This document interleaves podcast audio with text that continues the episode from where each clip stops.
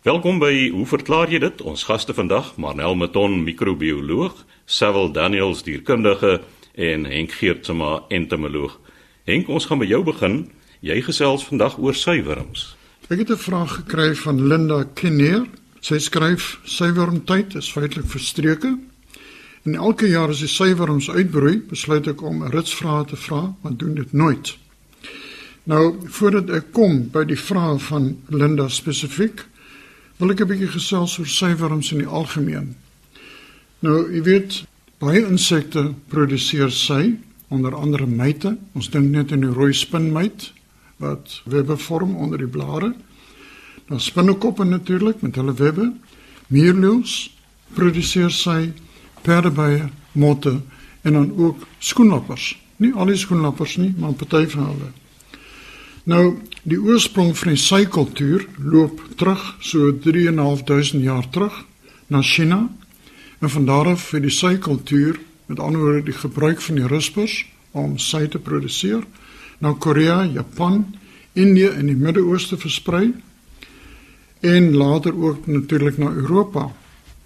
Nou wat interessant is, toe ek nou die vraag kry, kyk 'n bietjie in my literatuurlys en ek sien ek het 'n artikel wat geskryf is in 1909 en dit gaan oor suiwermkultuur in Transvaal.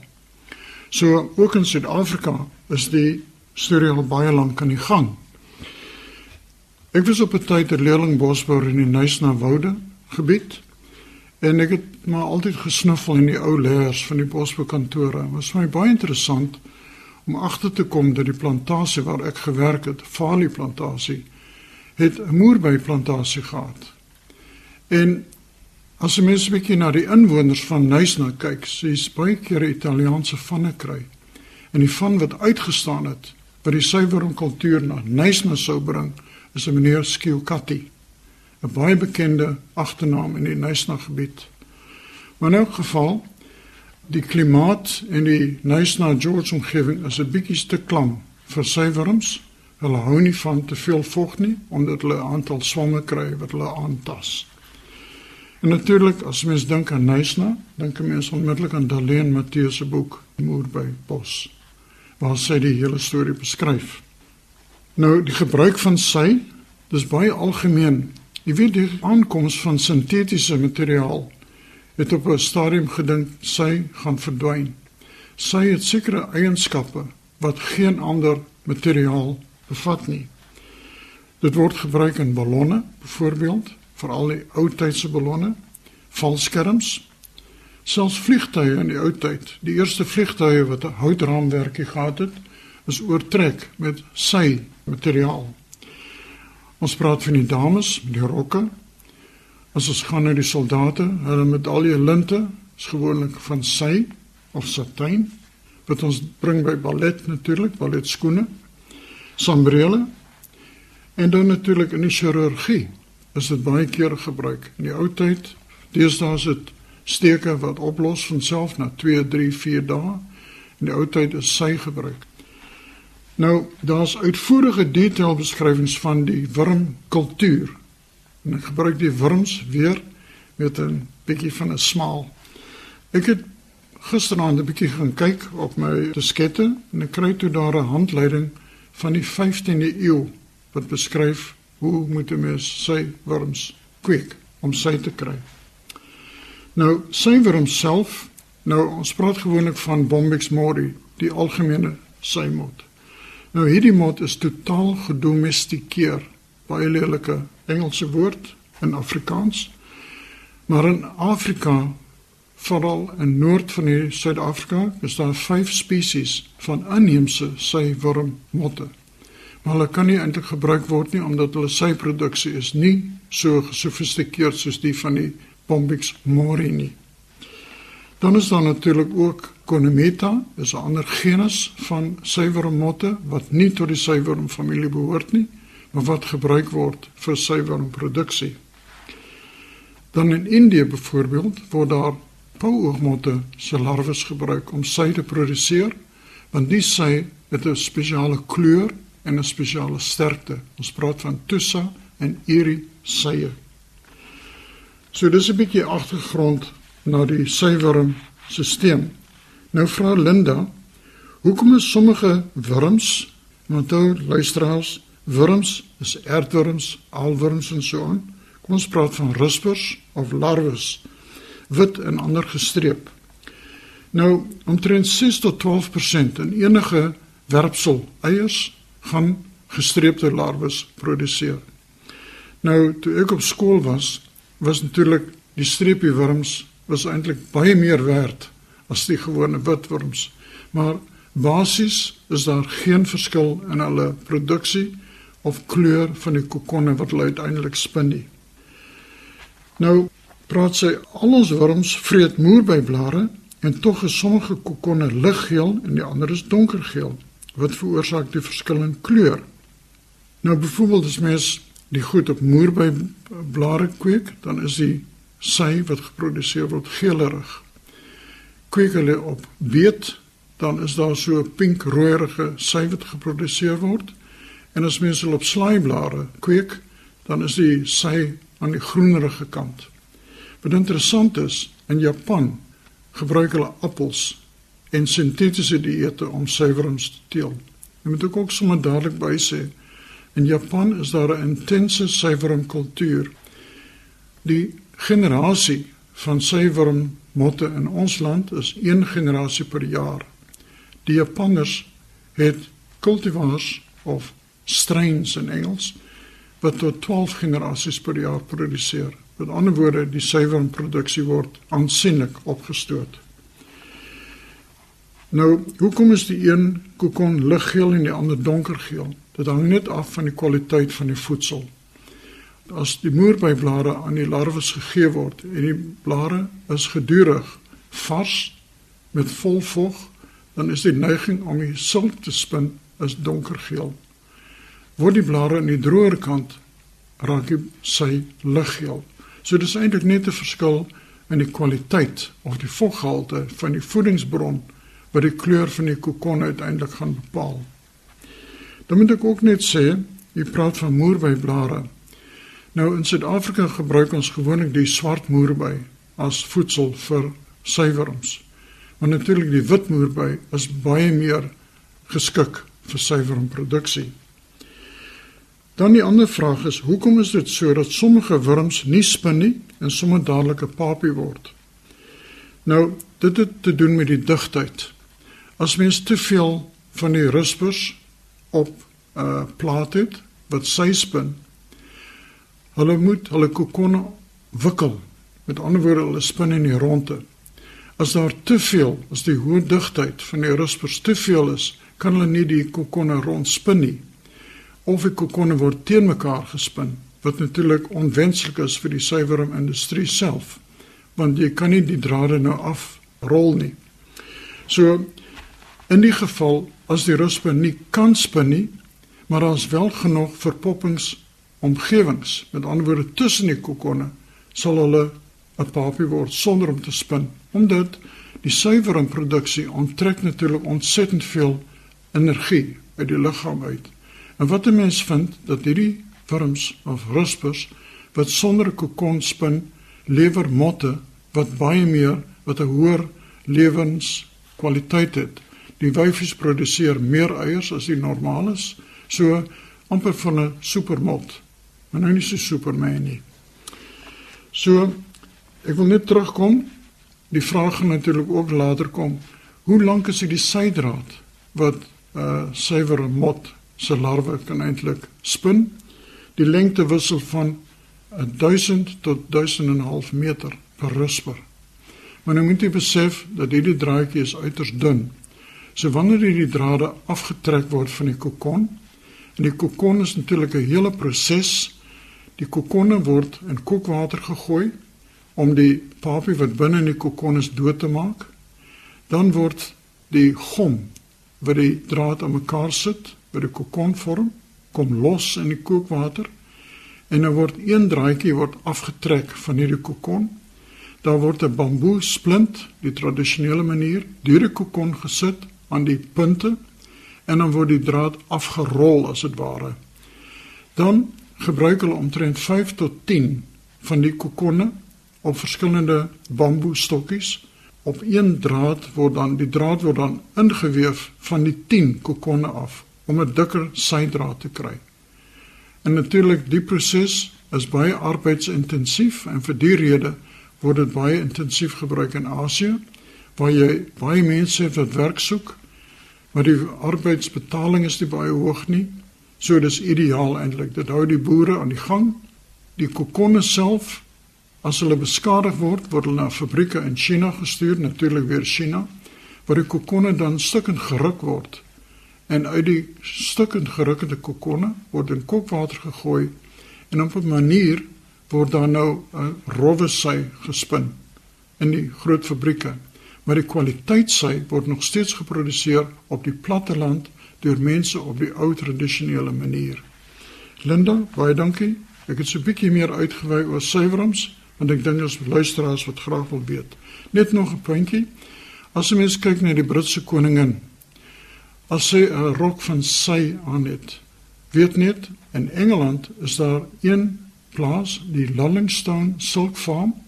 Hulle produseer sy en net haar rokke word van die Engelse sy geproduseer. Sy gebruik nie Chinese of Indiese sy nie. Dankie Linda vir die interessante vraag. En so sê Henk Geertsma, ons entomoloog, Manel liggaamsitte. Ja, Chris, baie dankie. Ek het 'n brief gekry van um, Andre Josias van Mosselbaai en hy skryf ek wil graag weet waar kom die hitte van die liggaam vandaan en wat beheer of reguleer dit? Waarom is party mense se voete kouer en ander se warmer en wat kan mens daaraan doen?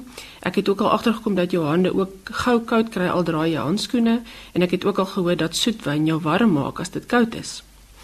Wel, Andrei, baie mense is effe obsessief oor die daaglikse weervoorspelling natuurlik en hier in die Kaap het dit heelwat met die reën voorspellings te doen op die oomblik. Maar mense oor die algemeen wil graag weet of dit koud of warm gaan wees en dit het baie te doen met dat hulle nie te warm of koud wil kry met wat hulle aantrek nie. Maar interessant genoeg maak die normale omgewingstemperatuurwisselinge nie 'n vreeslike verskil aan 'n mens se kernliggaamstemperatuur nie want dit bly relatief konstant by ongeveer 37 grade Celsius soos wat ons weet. En die rede is dat ons ingeboude meganismes het wat ons help met die proses van balans, ons noem dit ook homeostase, om hierdie kernliggaamstemperatuur so te help handhaaf. So indien ons liggaam nou nie daarin kan slaag om hierdie normale temperatuur te handhaaf nie en dit styg te hoog dan sal hipertermie intree. En vir mense gebeur dit gewoonlik by blootstelling aan konstante hoë temperature van ongeveer 55 grade Celsius um, en dis nou 'n droë hitte dit is effens laer wanneer dit baie humid is en indien dit sou voortduur sal die dood gewis intree. Die teenoorgestelde is natuurlik hipotermie en dis wanneer ons kernliggaamstemperatuur daal tot laer as 35 grade Celsius as gevolg van konstante blootstelling aan baie koue temperature. So, hoe word 'n mens se kernliggaamstemperatuur dan nou gereguleer? Was jou vraag. Nou die termostaat van ons liggaam is die hypothalamus in ons brein En dit is 'n deel van ons brein wat basies ons senuweestelsel verbind aan ons endokriene stelsel via die hipofise of die pituitêre klier. Nou wanneer die hypothalamus bespeer dat jy te warm word, word daar gewoonlik 'n sein gestuur na jou sweetkliere om te begin sweet produseer sodat jy nou kan afkoel met die verdamping van die sweet. Wanneer jy weer begin koud raak, ontvang jou spiere weer 'n sein om te begin saamtrek sodat jy begin bewe en dit maak dan jou liggaam weer warmer en sodoende word balans of homeostase gehandhaaf. 'n Ander manier om liggaamstemperatuur te beheer is deur jou bloeddruk te beheer. So wanneer dit baie koud is, kompenseer jou liggaam deur konstruksie of vernouing van die klein bloedvate onder die oppervlak van jou vel en jou ledemate en dit sluit natuurlik nou jou voete en jou hande in. En dit verlaag dan nou die bloedvloei na hierdie dele sodat meer bloed sodoende na jou organe gestuur word om daardie baie belangrike kernliggaamstemperatuur te behou. Sommige mense is dan nou net meer sensitief as ander vir klein temperatuurwisselinge en dis waarom party mense se hande of voete gewoonlik kouer is as ander, maar dis oor die algemeen iets om oor bekommerd te wees nie. Nou mense, so ook ander soogdiere en en ook voëls is endotermies of warmbloedig van aard en ons is dus in staat om 'n relatief konstante liggaamstemperatuur te handhaaf oor 'n relatief breë spektrum van omgewingstemperature. Maar hierdie vermoë benodig egter heelwat energie vir die produksie van hierdie liggaamsitte, as ook die handhawing van hierdie stelsels wat nou jou verhitting en jou afkoeling reguleer. En die hoofbron van hierdie energie is natuurlik die verbranding van die voedselmolekules wat jy inneem of van die vetweefsel. En in vergelyking met ektoterme of koudbloedige diere, moet warmbloedige diere of endoterme relatief groot volumes voedsel verbrand om hierdie interne liggaamstemperatuur so te handhaaf, want ons praat ook daarvan dat hulle 'n hoë metabooliese tempo het. So hoekom is dit dan belangrik hierdie nou temperatuurreeks? Nou in ons selle het ons natuurlik konstante chemiese reaksies om al die prosesse van lewe te handhaaf. En ons het ensieme wat dan al hierdie reaksies moet kataliseer. Nou hierdie ensieme is proteïene en proteïene is oor die algemeen redelik sensitief onder andere vir temperatuur. So reaksies vind oor die algemeen dan nou optimaal plaas by hierdie 37 grade Celsius in mense. En wanneer jou temperatuur effens styg, dan word dit bietjie vinniger, maar net tot op 'n punt en dit is ongeveer 40 grade Celsius vanwaar dit dan drasties begin daal as gevolg daarvan dat hierdie ensieme begin denatureer of ontvou. Aan die ander kant van die spektrum as dit te laag daal, dan raak hierdie ensieme ook onaktief En natuurlik as dit selfs nog laer daal kan daar selfs yskristalle in die selle begin vorm wat dan nou natuurlik die delikate selmembrane sal skeur en seldood tot gevolg sal hê. Nou soos vroeër gesê is ons liggaam se afkomstig van die oksidasie of verbrandingsreaksies van die voedselmolekules en die tempo waarteen hierdie hitte geproduseer word of hierdie reaksies plaasvind is dan jou sogenaamde metabooliese tempo en dit kan ook beïnvloed word deur 'n aantal faktore Dit kan byvoorbeeld bietjie vinniger wees wanneer jy oefen of onder strestoestande styg dit. Wanneer jou liggaamstemperatuur effens verhoog, sal dit hoër wees en selfs wanneer jy voedsel inneem. En daar's ook 'n hele aantal faktore wat dit kan laer maak, soos byvoorbeeld ouderdom. So ouer mense het gewoonlik dan nou 'n laer metabooliese tempo. Dus het elke spesies, insluitend die mens, sy eie unieke stel ensieme en metabooliese reaksies geoptimaliseer vir 'n spesifieke temperatuurreeks en daarom is dit van lewensbelang om by hierdie spesifieke temperatuur te funksioneer. So, wat die drink van daai soetwyn betref, wel die gebruik van alkoholiese drankies laat 'n mens wel warmer voel alhoewel dit ongelukkig nie hipotermie sal voorkom nie. Om die waarheid te sê, sal dit eintlik jou kernliggaamstemperatuur verlaag. En die rede is dat alkohol 'n vasodilator is. Met ander woorde, dit sal dan verwyding van daai klein bloedvate in jou vel veroorsaak en dit sal jou dan net wanneer jy dit drink warmer laat voel, maar dit het eintlik die teenoorgestelde effek op jou kernliggaamstemperatuur. So, in daai manier ignoreer dit dis eintlik jou liggaam se normale reflekse om homself te beskerm teen die koue en daarom glad nie 'n goeie idee nie. So, My voorstel is as jou lewe daarvan afhang, bære maar daai ou soetwyntjie. Maar Nel, nou jy dan vir baie mense baie slegte nuus gegee hier aan die einde. Dis dan Marnel Meton, ons microbioloog. Laas dan die beurt, Sewil Daniels. Hy is ons dierkundige en jy gesels onder andere oor eekorings se tande wat verband hou met die feit dat hulle in staat is om harde neute te kraak. Dis reg so goeiemôre Chris. Ons te vraag van Abi Seberhagen uit Ceres en die briefie lei soos volg. My kinders het 'n groot pekanutboom by hulle huis in Stellenbosch. Die eekorings eet elke jaar feitelik al die neute op. My vraag is, hoe kry hulle die neute stikkend gekou? Die dop is mos vreeslik hard. OK, Abi, so ek dink eerste ding wat 'n mens moet doen is mens moet kyk na die tande by die diere. In die algemeen wys dit dat uit die evolusionêre perspektief uit die diere die tande liewer by die soogdiere een keer ontstaan het. Nou, wanneer 'n mens kyk na die buitekant van die soogdiertand, sien 'n mens dan nou natuurlik die teenwoordigheid van die emalje wat die hardste natuurlike stof is wat in die liggaam voorkom. Nou dit bestaan uit 96% kalsiumfosfaat, water en ander organiese materiaal.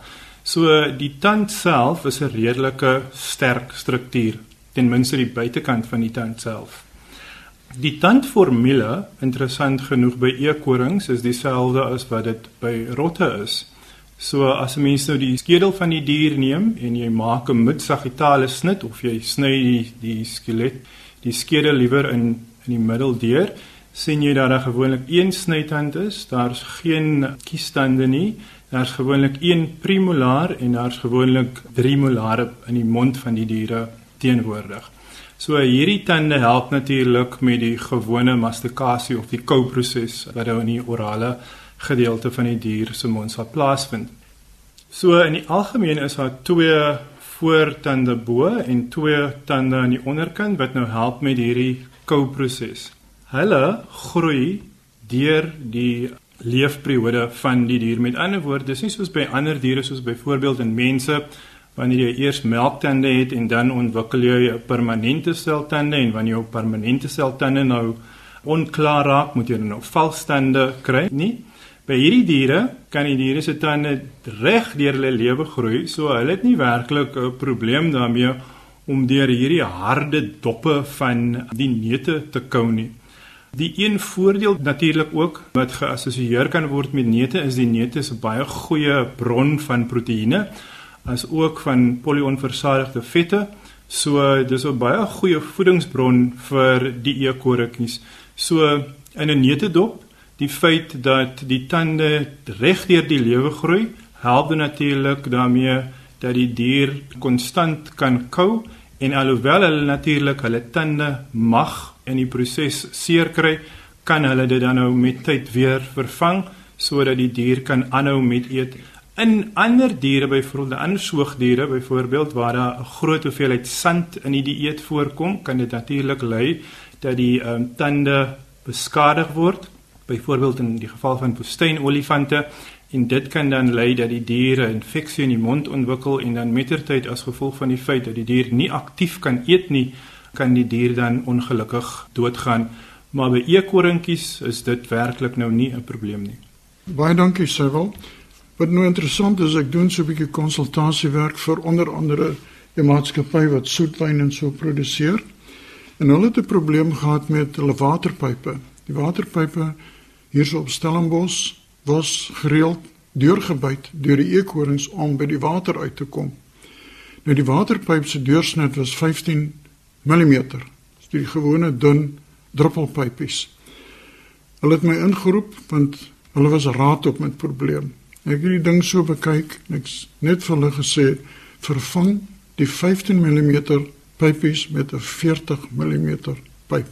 Dit het gewerk. Eekorings kan nie hulle bek so groot oopmaak nie. 15 mm is omtrent die grootte van 'n pekaneut. Dis vir hulle ideaal. Kan die meeste krag uitoefen op die pekaneut asook op die irrigasiepyp. Maar 40 mm is hulle het nie sulke groot bekke nie. Dit is baie interessant om te hoor. Ek sien ook in die literatuur hulle sê dat in Amerika eet die eekorintjies daar baie keer die plastiese omhulsels wat om die elektriese bedrading voorkom en dit kan natuurlik 'n probleem wees. Dit kan ja jou huis laat aan die brand slaan en so voort. So dit kan nog 'n tameletjie wees. Ja, maar vir die eekoring kan dit ook 'n skokkende ervaring wees. Wragtig ek kan dit glo. ek het persoonlike ondervinding, maar dit was nou nie eekorings nie, dit was muise of rotte waarskynlik wat in my dak was. Ek het 'n interkomstelsel van die hek af deur my ma se ouma woonstelletjie tot by my in die huis self geïnstalleer. En toe op 'n dag toe werk die besigheid nie en toe ek in die dak klim, toe het hulle daai drade kaal gevreet en ek dink daar is omtrent 10 kabels maar hulle is nie verskillende kleure nie, hulle is almal van dieselfde kleur en ek moes hulle uitryg uit die dak uit en hoe sê hulle in Engels by trial and error uitwerk watter draad moet aan watter een gekoppel word, maar my interkom werk nou weer. Nou ja, daar het die tyd ons ingehaal. Ons sê dankie aan ons gaste dan vandag, Marnel Meton, microbioloog, Sewil Daniels, dierkundige en Henk Geertsma, entomoloog. Skryf gerus aan ons by hoe verklaar jy dit? Posbus 2551 Kaapstad 8000 of stuur 'n e-pos aan chris@rsg.co.za.